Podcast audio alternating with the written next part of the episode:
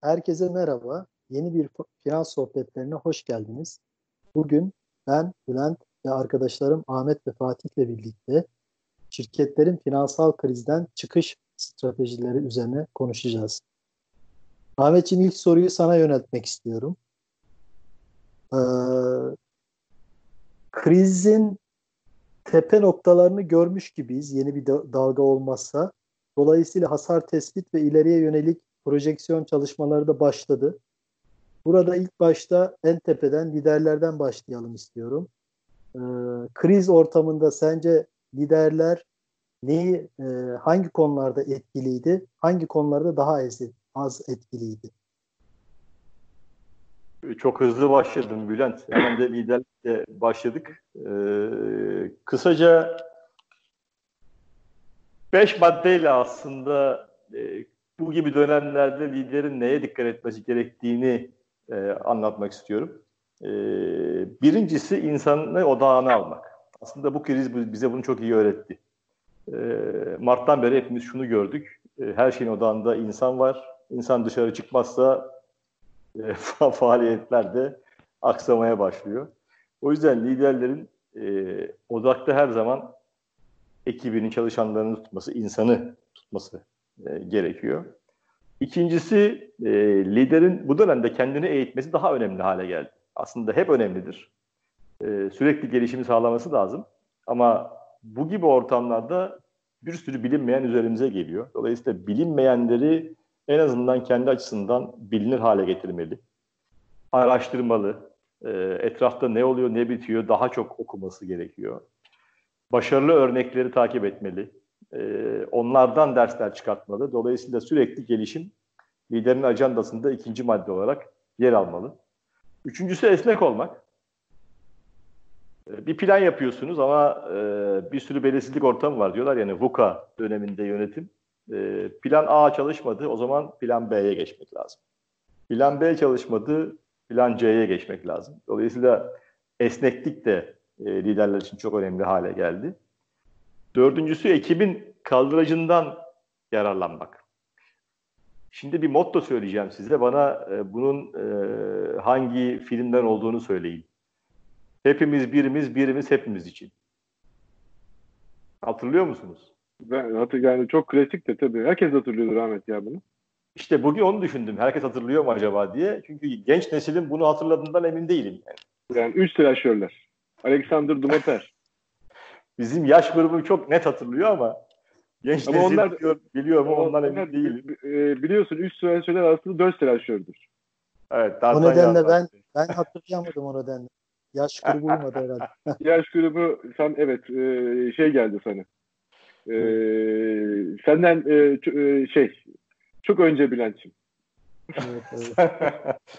Şimdi bu dönemde e, hepimiz birimizden akıllıyız mottosunu kullanması lazım liderler. Bunu her zaman kullanması lazım ama bu dönemde ortak akılla yönetmek çok daha önemli hale geliyor. Ben bunu çok önemsiyorum. E, liderin de ortak aklı mutlaka kullanması lazım. E, son olarak da iletişim. İletişim olmazsa olmaz. E, bütün iletişim kanallarını açması lazım. Mantıklı iletişim yalnız. Böyle sürekli iletişim bazen yanlış anlaşılabiliyor. Mantıklı, akılcı iletişimi kullanması lazım liderlerin. Ne demek istiyorum? Biraz daha açayım. Bu gibi dönemlerde de çok fazla negatif şey geliyor. Biraz da oraları kapatmak lazım. Yani e, ekibin moralini, motivasyonunu yönetmek açısından sürekli negatif iletişim sağlamak değil. Ne mantıklı, ne işimize yarıyor ona vurgu yapması gerekiyor. Kısaca bu beş maddeyle liderin ajandasını özetlemiş oldum Bülent. Çok teşekkür ediyorum Ahmetciğim. Fatih'ciğim ikinci soruyu sana yönelteceğim. Ee, yaklaşık 3 aydır e, kriz döneminde biliyorsun e, mevcut durum tespiti, finansal check-up, dinamik nakit, nakit akışı bu kavramlar üzerinde bir de e, senaryo analizleri üzerinde çok durduk. E, artık krizin tepe noktası görünüyor, göründü gibi yeni bir dalga olmazsa az önce de söylediğim gibi. E, bu çerçevede artık şirketlerin herhalde yeni bir iş modeli e, arayışı, yeni bir finansal model kurgusu içerisine girmeleri gerekiyor. Bu konularda neler söylemek istersin? Teşekkür ediyorum. Öncelikle bu hani krizin biz tepe noktasına geldik mi e, tespitiyle ilgili emin olmadığımı söyleyerek e, başlayayım. Kimse de bence emin olabilecek durumda değil. İnşallah varmışızdır e, tepe noktasına ve ondan sonra artık bir çıkış söz konusu olur. Şöyle ki belirsizliklerin çok arttığı bir e, dönem içerisindeyiz. Öncelikle şirketlerin mevcut iş yapma modellerini, iş yapış şekillerini e, sorgulamaları gereken bir dönemdeyiz. Ve en büyük belirsizlik de e, bir e, şirketin ileriye dönük e, bakışıyla bağlantılı. Özellikle bir projenin e, projeksiyon yapılırken, proje ilgili projeksiyon yapılırken en büyük belirsizlik işin satış kısmındadır. Yani satış e, riskini de irdeleyecek olursak aslında çok basit.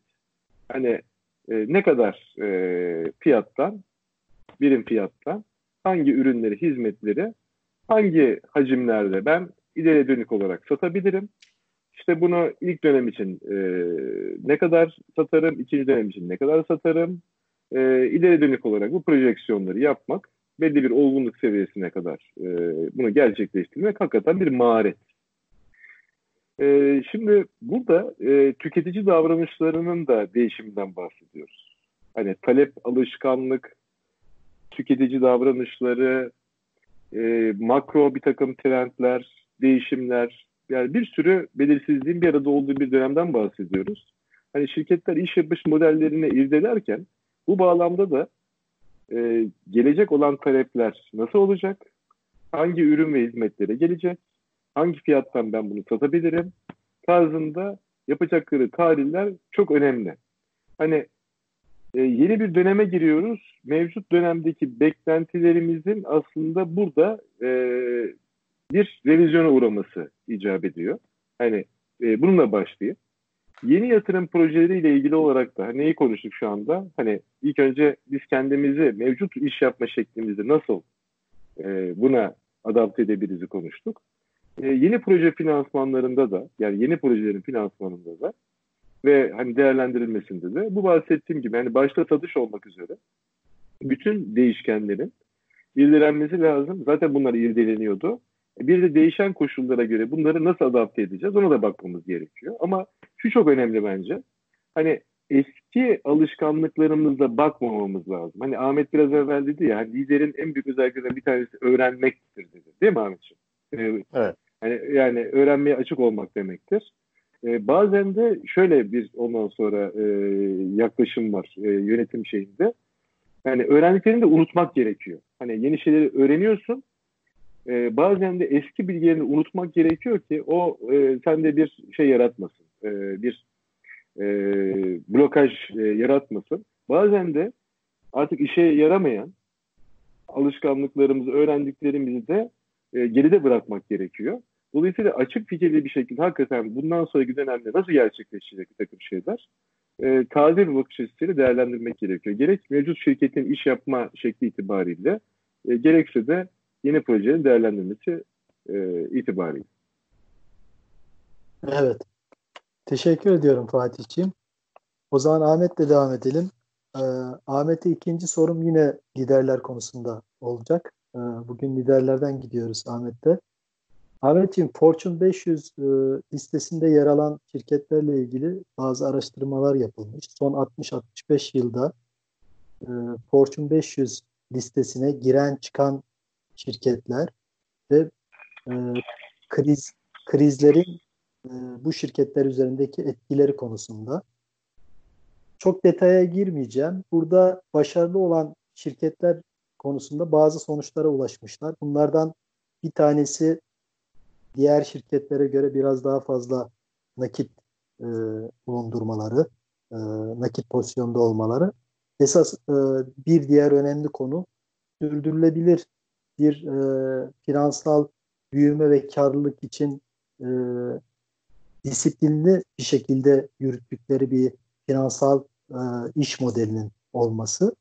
Üçüncü konuda e, senin sorunla ilgili e, bu şirketler yani listeye Fortune 500 listesine yükselen şirketler ve liderler e, yüksek e, üst yönetim performansları sergiliyorlar.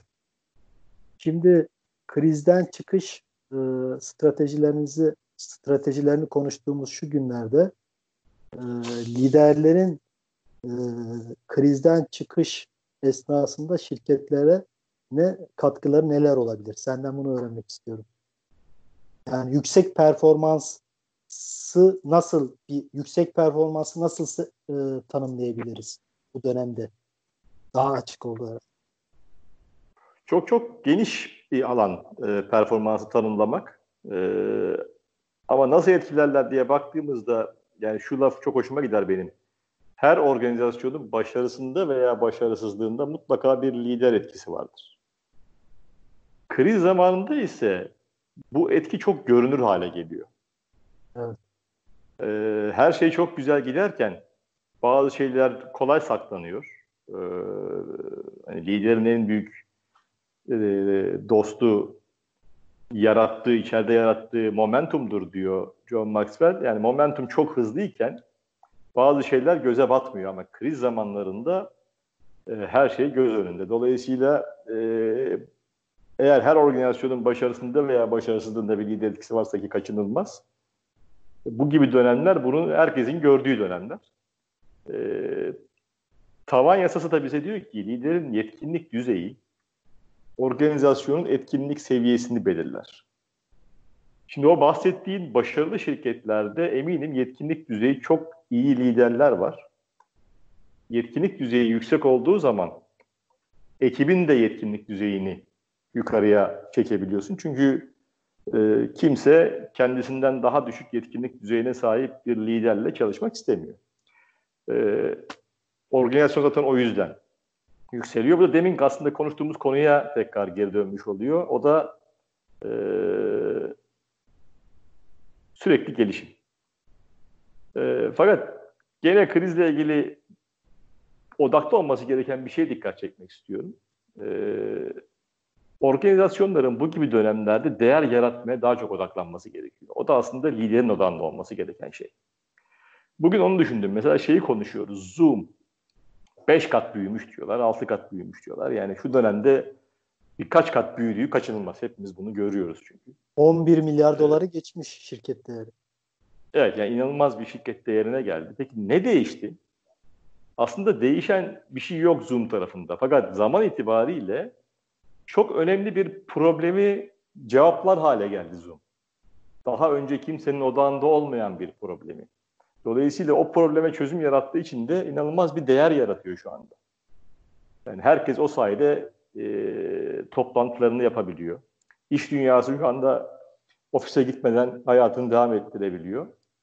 E, bu ortamda yani belki tesadüfen ama önemli bir probleme e, cevap verdiler. Şirketlerin de ve liderlerin de bu dönemde buna odaklanması lazım. Hangi probleme çözüm yaratıyoruz? Paydaşlarımıza nasıl değer yaratıyoruz? Ben inanıyorum değer yaratan şirketler kendi değerlerini de katlayarak arttıracaklar. Evet. Teşekkürler. Ben teşekkür ederim. Bur evet burada e, bir de e, Fortune 500 araştırmasında e, şeyi de ilave ediyorlar. Yani liderlerin bu ortaya koydukları, takip ettikleri iş modeli, finansal modelin uygulanmasında e, ciddi bir disiplin düzeyi sağlamaları ve yeni gelişmelere göre de ufak e, esneklikler e, içerisinde bulunmaları ki esneklik olayını sen biraz önce o e, beş tane prensibi sayarken belirtmiştin. Teşekkür ediyorum.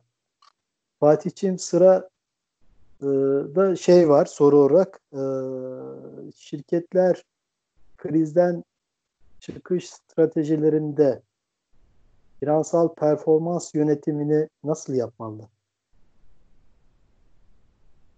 Finansal performans yönetimi çok geniş bir kavram. Ee, hep şunu söylüyoruz biz diyoruz ki aslında e, bir şirketin göstermiş olduğu finansal performans bir parantez açıyorum. Niye kastediyoruz finansal e, performansla? E, baştan 3 dakika sınırlaması koyduk ya burada 5 dakika konuşabilirsin Fatih. Teşekkür ederim. Teşekkür ederim. sağ, sağ ol. Ee, şey e, sıfırdan mı başlıyor şey? E, kronometre şu anda sıfırdan başlıyor mu? evet evet sıfırdan. Peki, peki sağ ol eksik olma. Şöyle ki e, finansal performanstan ne anlıyoruz? İşte karlılık, şirket değeri yani artıyor mu azalıyor mu? Sermayenin geri dönüşü. E, bundan bahsediyoruz finansal performans itibariyle şirket tarafında. Diğer taraftan da e, şirketi finanse eden, projeyi finanse eden bankacılar açısından da kredinin geri dönüşüyle ilgili başka parametreler var. Şimdi bu performans dediğimiz şey yani gördüğümüz şirketin e, performansı burada biz nereden ölçüyoruz nakit akışından aslında e, şirket yönetiminin almış olduğu bütün kararların iyi ya da kötü bir yansıması. Hani burada bir sıkıntı var ise e, mutlaka bir takım kararlar ya yanlış alınmıştır ya da bu alınan kararlar alındığı dönem itibariyle doğru olabilir ama bunun piyasada karşılığı yoktur. Piyasa buna beklenen tepkiyi vermemiştir. Aslında yine yanlış olmuştur. Yani doğru e, olduğu düşünülen kararlar yine yanlış olmuştur. E, şimdi dolayısıyla finansal performans yönetimi dediğimiz hadise aslında e, burada olumsuz bir vaziyet varsa veya olumsuza doğru giden bir vaziyet varsa finansal performans yönetimi de dinamik bir şey. Hani bir kere yaptığımız bir şey değil. Bunu düzenli aralıklarla yani aylık, 3 aylık, 6 aylık bizim önerimiz en az 3 ayda bir bunun gerçekleştirilmesi yönünde. Ee, sürekli olarak kontrol edip şirket iyiye doğru mu gidiyor yoksa e, geriye doğru mu gidiyor bunu ölçüyor olmamız lazım. Hala şirket para kazanıyor olabilir ama daha az para kazanıyor olabilir. E, bu da bir olumsuz sinyal olabilir. Dolayısıyla bu e, e, hesaplamaları yaptığımız zaman, bu anlayış içerisinde hareket ettiğimiz zaman bize niye sağlıyor? Şirkette aldığımız kararlar e, doğru mu? Değil mi? Geliştirilebilir mi? E, daha iyi gidilebilir mi? Veya yanlışlıklar varsa düzeltilebilir mi? E, orada da e, şöyle ki e, bir daha büyükçe bir şirket düşünelim. Bir sürü ürünler, hizmetler sağlıyor. E, kimisinde bu ürün ve hizmetlerin doğru kararlar alınıyor olabilir. Kimisinde ise bu tam tersi olabilir. Bizim yapmış olduğumuz çalışmalar aslında bunu da e, hesaplamaya yönelik. Yani e, şirketin para kazandığı noktalar neresi? Daha fazla odaklanılabilir bu alanlara. E, yine e, sıkıntılı olan veya para kaybeden alanlar neresi? Bunun gelişim alanları var mı? E, dediğim gibi bütün bu e, şeyi analizleri aslında biz e, yine nakit akışı üzerinden yapıyoruz. Her, her ürün ve hizmet bağlamında ne kadar stok tutulması lazım bir üründen bahsediyorsak. İşte bunun ne kadarı ham madde stoğudur, ne kadarı yarı mamul stoğudur, ne kadarı e, mamul stoğudur. Bunun alacak vadesi nedir? Çünkü her ürünle ilgili olarak sağlanacak olan, tedarik edecek olan mallar, e, ham maddeler farklı olabilir. Satış koşulları farklı olabilir.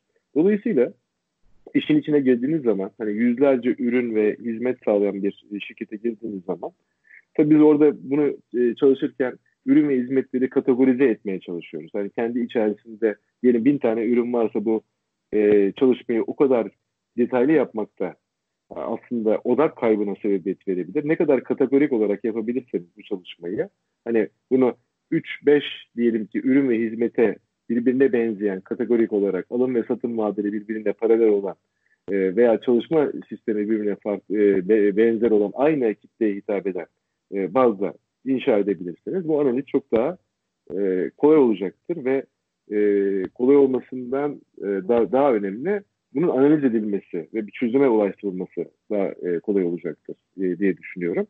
E, sonuç itibariyle umarım 5 dakika geçmemişimdir sevgili Bülent'ciğim.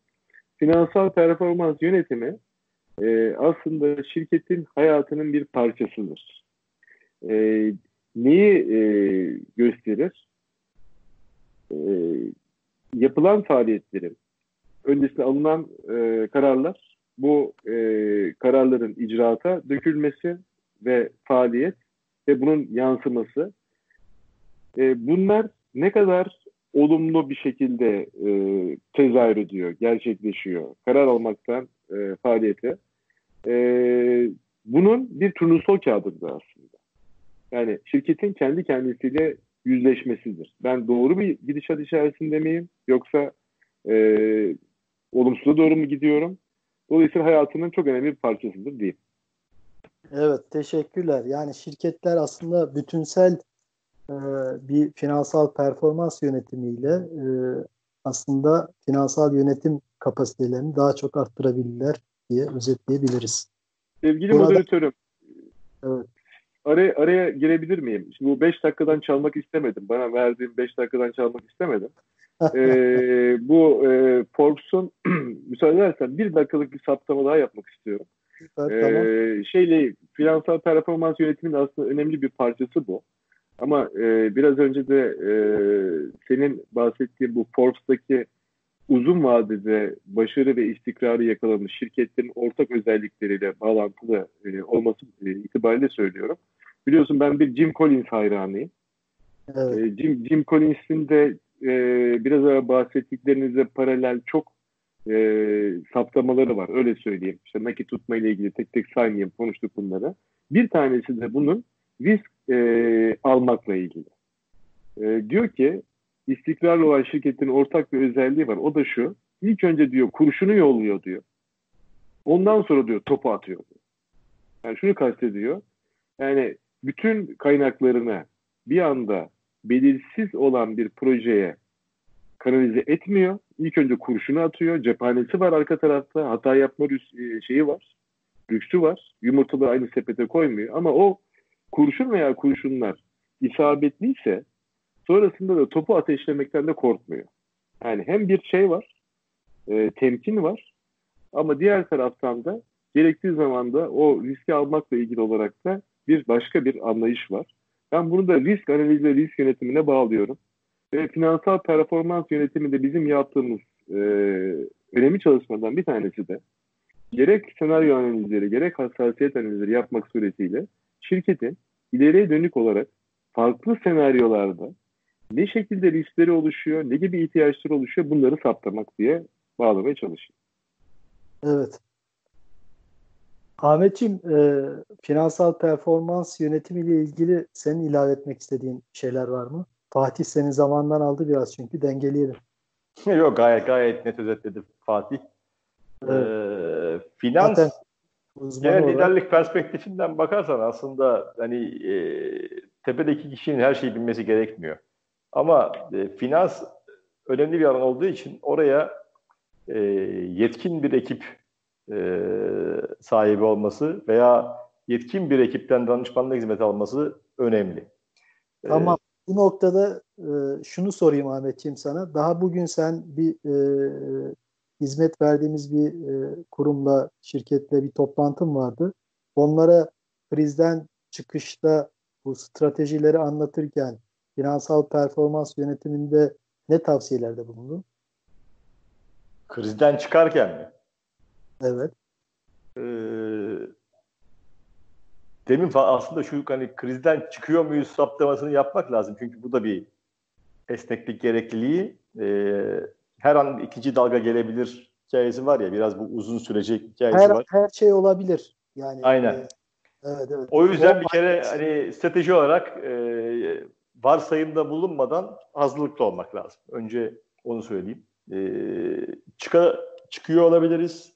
İkinci bir dalga gelerek tekrar bir e, aşağı yönde görebiliriz. Dolayısıyla her iki senaryoya da aslında hazır olmak lazım. E, bu da e, senaryo e, üzerinde çalışma yapmayı gerektiriyor. Yani, Örneğin senin e, danışmanlık verdiğin bugünkü firmada iş modeline yönelik e, stratejik bir değişiklik var mı? Öyle bir karar alıyorlar mı? Yok. E, iş modeline yönelik stratejik bir değişiklik yok. E, Farklılaşma yapıyorlar mı? Nasıl? ürünler yeni ürünlere giriyor, giriyorlar mı? Kat, katma değeri daha yüksek ürüne yeni girme e, stratejisi var. Evet. E, bu da aslında e, temel bir probleme cevap vermek. Yani Türkiye'deki şirketlere baktığımızda ne sayabiliriz ana problemlerden? Belki ilk sayabileceğimiz iki tanesi, e, iki tanesinden bir tanesi katma değeri yaratmak. Ki çok önemli bence. E, evet. Dolayısıyla onlar da aslında stratejik olarak katma değeri daha yüksek bir alana yöneliyorlar. Biz de onu destekliyoruz. İkincisi de kapasite kullanımı. Yani şirketler kapasiteyi yaratırken o kapasiteyi kullanıp kullanmayacaklarını iyi analiz ederek yaratmaları lazım. Türkiye'de maalesef kapasite kullanım oranları çok düşük. Bu da neye sebep oluyor? Yatırım maliyetlerinin tahmin edilenden çok daha yüksek hale gelmesine, dolayısıyla yatırımın çok daha uzun sürede eğer geri dönerse, onu da, onun da altını çizmek lazım. Eğer geri dönerse çok daha uzun sürede dönmesine sebep oluyor. Ee, stratejik olarak hani e, yarattığımız kapasiteyi ne kadar kullanıyoruz? Katma değeri yüksek ürünler yaratıyor muyuz? E, bu krizde herkesin katma değere önem vermesi, karlılığa önem vermesi e, gerekiyor. Bu da demin bahsettiğim şeyle bağlantılı aslında. Değer yaratmak. Sadece kendin için değil, paydaşların için de e, değer yaratmak. Bilmiyorum, evet. cevap cevaplayabildim mi? Cevapladın Ahmetciğim. Teşekkür ediyorum. Ee, esas o zaman sorma, sormayı düşündüğüm e, şeye geçelim soruya. Ee, şimdi kriz döneminde mali imkanları iyi imkanlarla giren şirketler bir de tabii mali durumları bozulan şirketler var. Krizden çok olumsuz etkilenen. Ee, o nedenle şu günlerde görüyoruz ki şirket satın alma ve birleşme piyasası çok hareketli. Bazı şirketler neredeyse bedelsiz fiyatlarla e, satılma pozisyonuna giriyor. Bazı büyük şirketler e, özellikle birkaç tane Amerika'da duydum. General Electric ve e, birkaç tane varlık satışına karar vermişler büyük miktarda. E, bu Türkiye genelinde bakarsan şirket satın alma ve e, birleşmeler konusunda neler söyle, söylemek istersin? Ee, şirket satın almalarının devam edeceğini düşünüyorum. Sermaye el değiştirmesinin hızlanacağını e, düşünüyorum. Bu gibi dönemler, e, demin büyümeden bahsettik ya, şirketlerin evet. büyüme stratejilerinde satın alma önemli bir yer teşkil edebilir. Çünkü bu süreyi hızlandırıyor, e, birkaç kademe birden büyümene yardımcı oluyor eğer doğru hedef firma e, bulursan. E, genelde de doğru hedef firmalar satışa konu olmuyordu eskiden. Yani senin büyümene yardımcı olacak şirketi satın almak o kadar kolay olmuyordu açık söylemek gerekirse. Fakat bu gibi dönemler aslında bunu değiştiriyor. Birkaç sebepten dolayı. Bir tanesi finansal e, performans yönetimindeki aksaklıklar şirketin e, satış iştahını arttırıyor ortakların. E, ikincisi de aslında şu içinde bulunduğumuz krizin başlangıcı biliyorsunuz sağlık. Yani koronavirüsünden bahsediyoruz. Şöyle bir algı oluşmaya başladı. Belli yaşa geçmiş girişimcilerde e, ya sağlık çok önemli, e, e, e ömür de sonsuz değil. E, kalan ömrümü e, neden daha farklı geçirmeyeyim? Dolayısıyla şirketimi likit edeyim, nakde döneyim, ben de hayatımı yaşayayım e, demeye başlayan e, yatırımcılar var. Bunun da biraz satış iştahını arttıracağını ben düşünüyorum. Sadece Türkiye için değil. Ee, özellikle belli yaşı geçmiş e, ve hala şirketin bütün yönetimi yükü kendi üzerinde olan girişimciler için bahsediyorum tüm dünyada. Bunu mesela İtalya'da çok e, net bir şekilde görüyoruz. E, yaşlı bir nüfus. E, şirket sahipleri ki kriz öncesinde zaten bu istek vardı. Şimdi daha da e, artmış vaziyette. E, o yüzden satın almaların ben artacağını düşünüyorum. Büyüme stratejisi olan, elinde nakde olan şirketlerin de kendi stratejilerine yardımcı olacak e, satın alma fırsatlarına bakması gerektiğini düşünüyorum. Evet. Bununla ilgili Fatih sana da soru yöneltmek istiyorum. Ee, şimdi bu şirket e, satışlarında Türkiye'de maalesef daha e, bir şirket hani batı anlamında gelişmiş piyasalar anlamında bir şirket satın alma, birleşme işlemleri kültürü daha doğrusu oluşmadığı için bizde genelde şu e, ortamda e, satışa çıkan şirketler veya e, şirket satın alacak firmalar yine alışkanlıklarla eş dost vasıtası e, yani e, biraz belki abartılı bir e, şey olacak ama bunun da örnekleri var birkaç tane de rastladık. E, neredeyse bir e, gayrimenkul alım satımı gibi yani bir emlakçı marifetiyle işlem yap, yapma eğilimleri var. Yani şimdi bu kültürün aslında şu anda e, şirket e, satı, satın alma ve birleşme piyasası çok gerçekten çok hareketli. Burada bence profesyonel şirketlerin e, olduğunu, e, var olduğunu, aslında çok sayıda Türkiye'de e, bu yönde şirket olduğunu ve uzmanlar barındıklarını, barındırdıklarını, şirket değerlemeleri, hedef şirketler, e, değerlendirmeleri, özellikle şirket alım satım dışında birleşmeler gerçekten çok teknik konular. Bu konularda e, ciddi yetkinlik isteyen danışmanlığa ihtiyaçları olduğunu düşünüyorum. Sen bu konularda ne demek söylemek istersin? Valla sen zaten yorumları yaparak bir soru sordun. Ee, evet, biraz e, yani. Evet, e, Bülent'ciğim yani e, bilmiyorum üzerine ne katma değer yaratabilirim bu e, şeyin e, sorunun. İşte bu bahsettiklerin, bu bahsettiklerin hepsi e, parça parça hani kategorize etmek gerekirse Şimdi ilk önce e, biz bununla biliyor, ilgili olarak biliyorsunuz ayrı bir şey yaptık. E, M&A ile ilgili olarak şirket satın alma birleşmeyle bir ayrı bir e, çekim de yaptık. Ama bu konuyu biz ne kadar çeksek hani e, çok derin bir konu. Hani bitmez. Şöyle ki şimdi ilk önce biz bir hani e, farkındalık yaratıyoruz. Şirketin kendi değeriyle ilgili olarak. Hani oradan e, belki başlamak gerekiyor. Hani kendi kendini bilmesiyle ilgili olarak bir farkındalık yaratıyoruz. Çünkü şirketin patronlarının e, bazen profesyonellerin bir algısı var e, şirket değeriyle bağlantılı olarak. Çoğu zaman da bu algının bir parça biz en azından yüksek olduğunu görüyoruz. E, bunun bir e, İngilizce buna şey derler, reality check derler. Tam Türkçesine e, gerçekle yüzleşme diyebilir miyiz bilmiyorum ondan sonra. Hani gerçeklik e, şeyi, kontrolü diyeyim belki. Hani birebir tercüme etme e, yapmak gerekirse. E, orada bir kere bir fo- e, fonksiyonu var. E, diğer taraftan e, şöyle bir şey var. E, ben mesela şirket e, değerlemesiyle ilgili olarak e, öğrendiğim zaman hani seneler evvel e, bunu bana birisi söylediği zaman e, 10 küsur sene oluyor. En şaşırdığım yani şaşırdım ama düşününce ne kadar doğru olduğunu öğrendiğim bir cümle vardı. O da şu. Şirketin değeri aslında o şirketin alıcısı tarafından, potansiyel alıcısı tarafından e, biçilen e, değeri. Hani senin e, ne değer e, şey biçtiğin değil, karşı tarafın aslında bununla ilgili olarak ne değer biçtiği önemli. Şöyle ki, ne demek istiyorum? Şimdi sizin şirketiniz görece küçük bir şirket olabilir. E, ve herhangi bir e, dar bir alanda bir e, ürün ve hizmetle bağlantılı olarak e, çok iyidir. Katma değer yaratıyordur. Çok iyi, iyi müşteri portföyü vardır.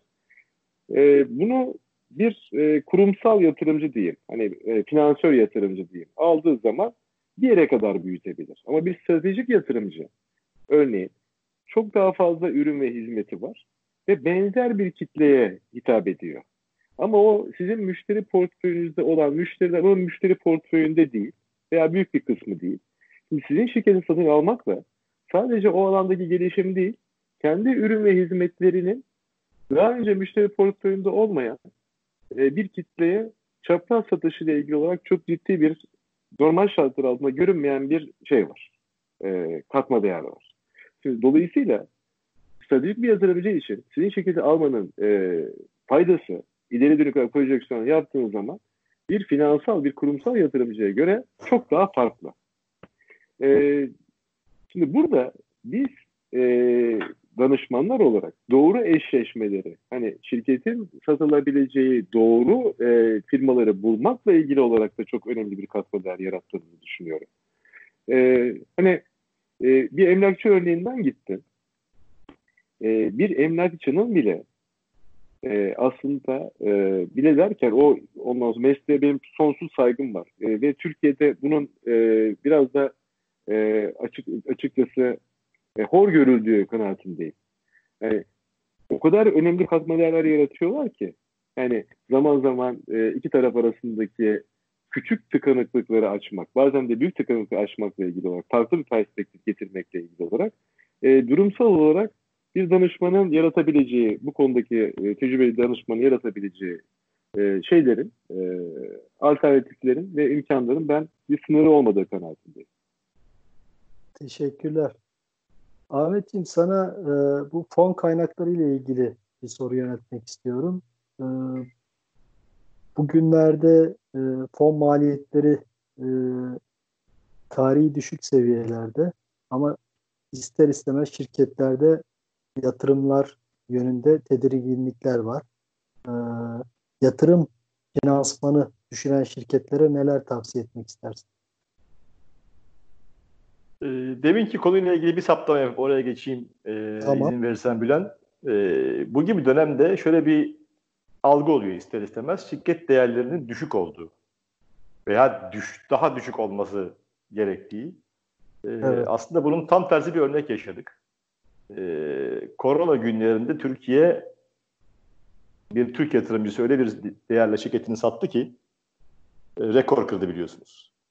E, Peak, Peak, Peak Games'in e, Zynga tarafından satın alınmasından bahsediyorum. Şu ana kadar yapılan en büyük o alandaki satış evet. oldu. E, tespit edilen en büyük de değer oldu. Dolayısıyla bu bunu kırmıştır umuyorum. Böyle bir algı olmasın. Eğer şirket hakikaten karlı ise e, bu tip işlerde hep uzun vadeli bakılır. Değer de ona göre tespit edilir. E, şimdi senin soruna dönersem eğer e, ilginç bir şekilde hep kriz kriz diyoruz ama likidite krizi yaşamıyoruz, yaşamayacağız da. Çünkü inanılmaz para basıldı. Yani genelden bahsediyorum. Tabii ki şirket bazında likidite krizi yaşayacak şirketler olacak. Fakat genel bir likidite krizi yok çünkü hem Amerika'da hem Avrupa'da, Türkiye'de de dahil olmak üzere e, tüm merkez bankaları para bastılar. Ve bu para bir şekilde e, şu anda piyasada. E, dolayısıyla finans kuruluşları tarafında bir likidite sorunu olmayacak. Tam tersi parayı bir şekilde krediye döndürmeleri lazım. Bu da faizlerin tarihi dip yapmasına sebep oldu. Şu anda evet. her yerde inanılmaz düşük faizlerle, sıfırla işte yurt dışında Türkiye'de e, bugün konuşulan faiz oranları 7-8 bandında e, TL'de. Dolayısıyla çok düşük faizler var.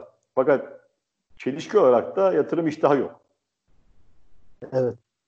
Genel perspektifte. E, ama likiditesini doğru yönetmiş, nakit akışını bugüne kadar doğru yönetmiş şirketlerin eğer büyüme stratejilerinde e, fırsat görüyorlarsa bu ortamın onların yatırım yapmasına engel olmaması gerektiğini düşünüyorum.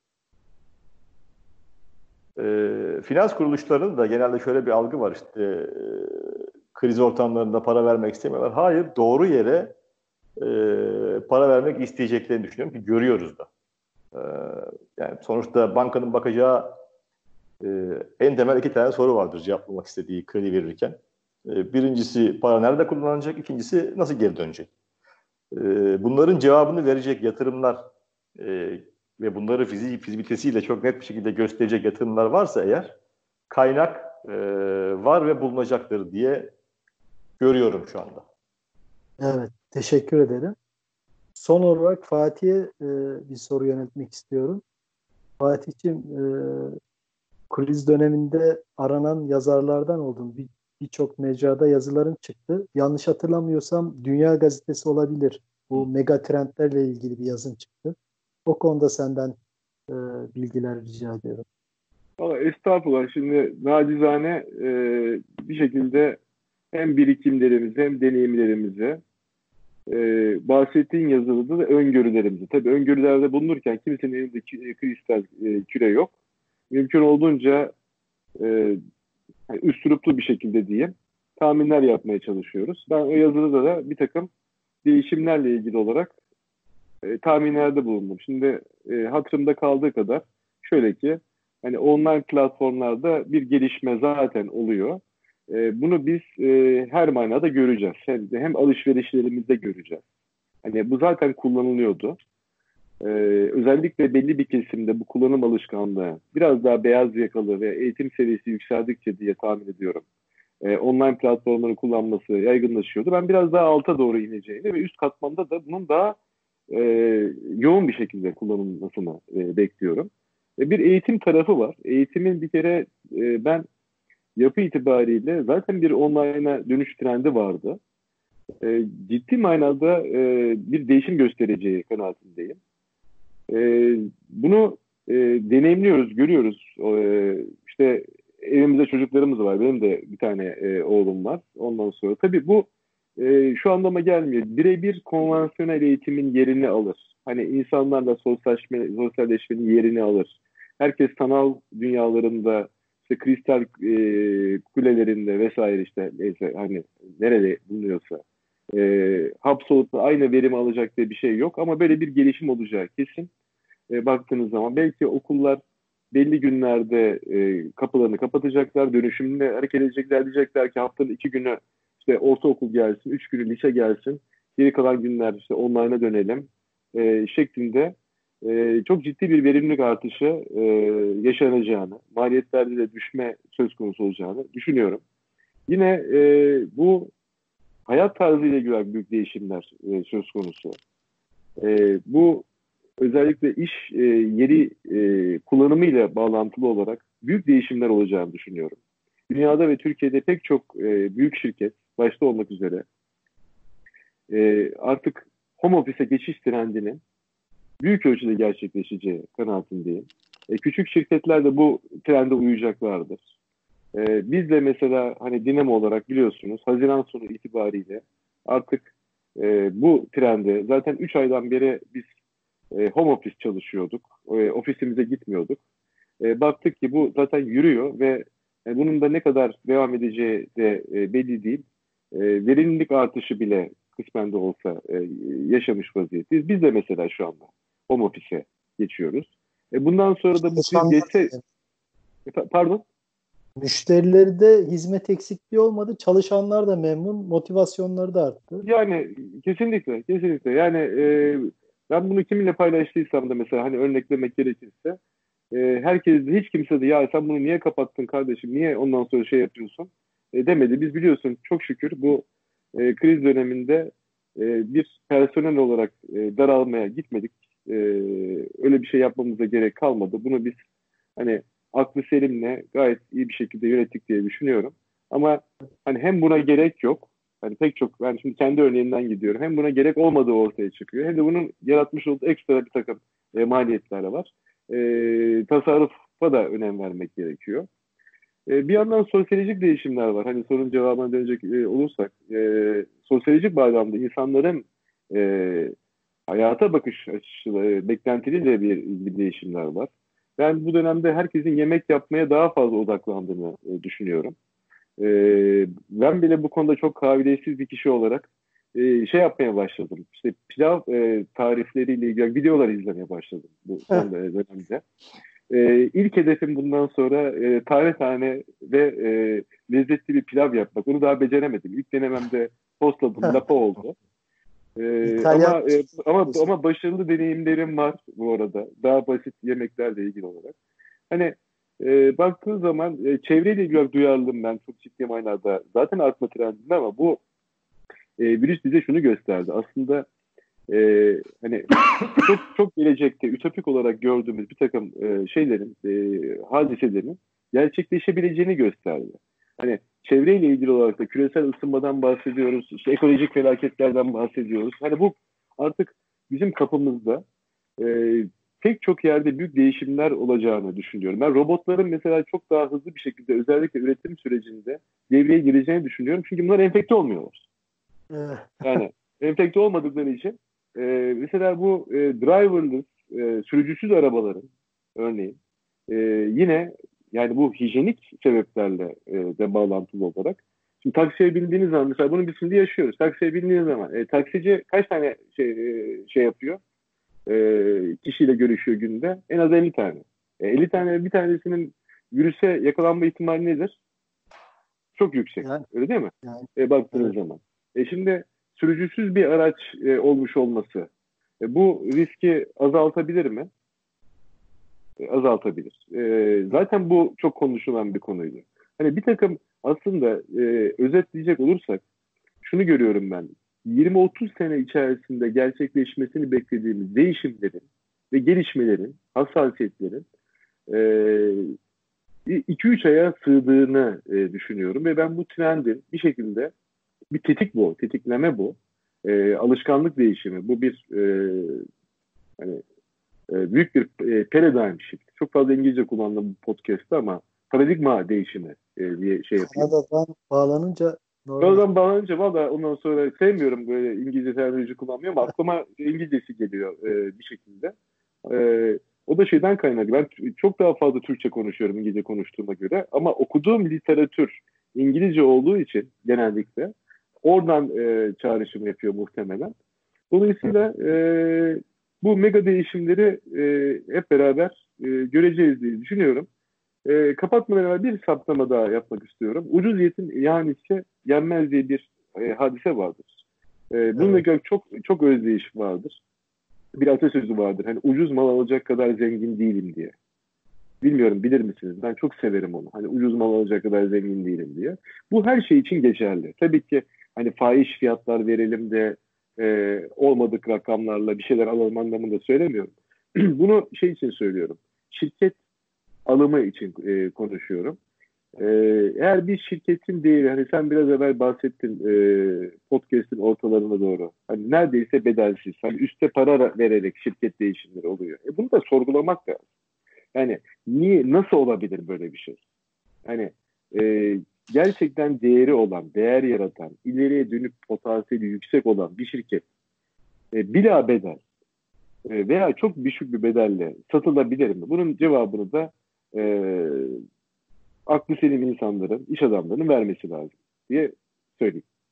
Ahmetçim senin ilave edeceğin bir şey var mıydı? Programı kapatıyoruz artık çünkü. Katılıyorum e, diyeyim o zaman.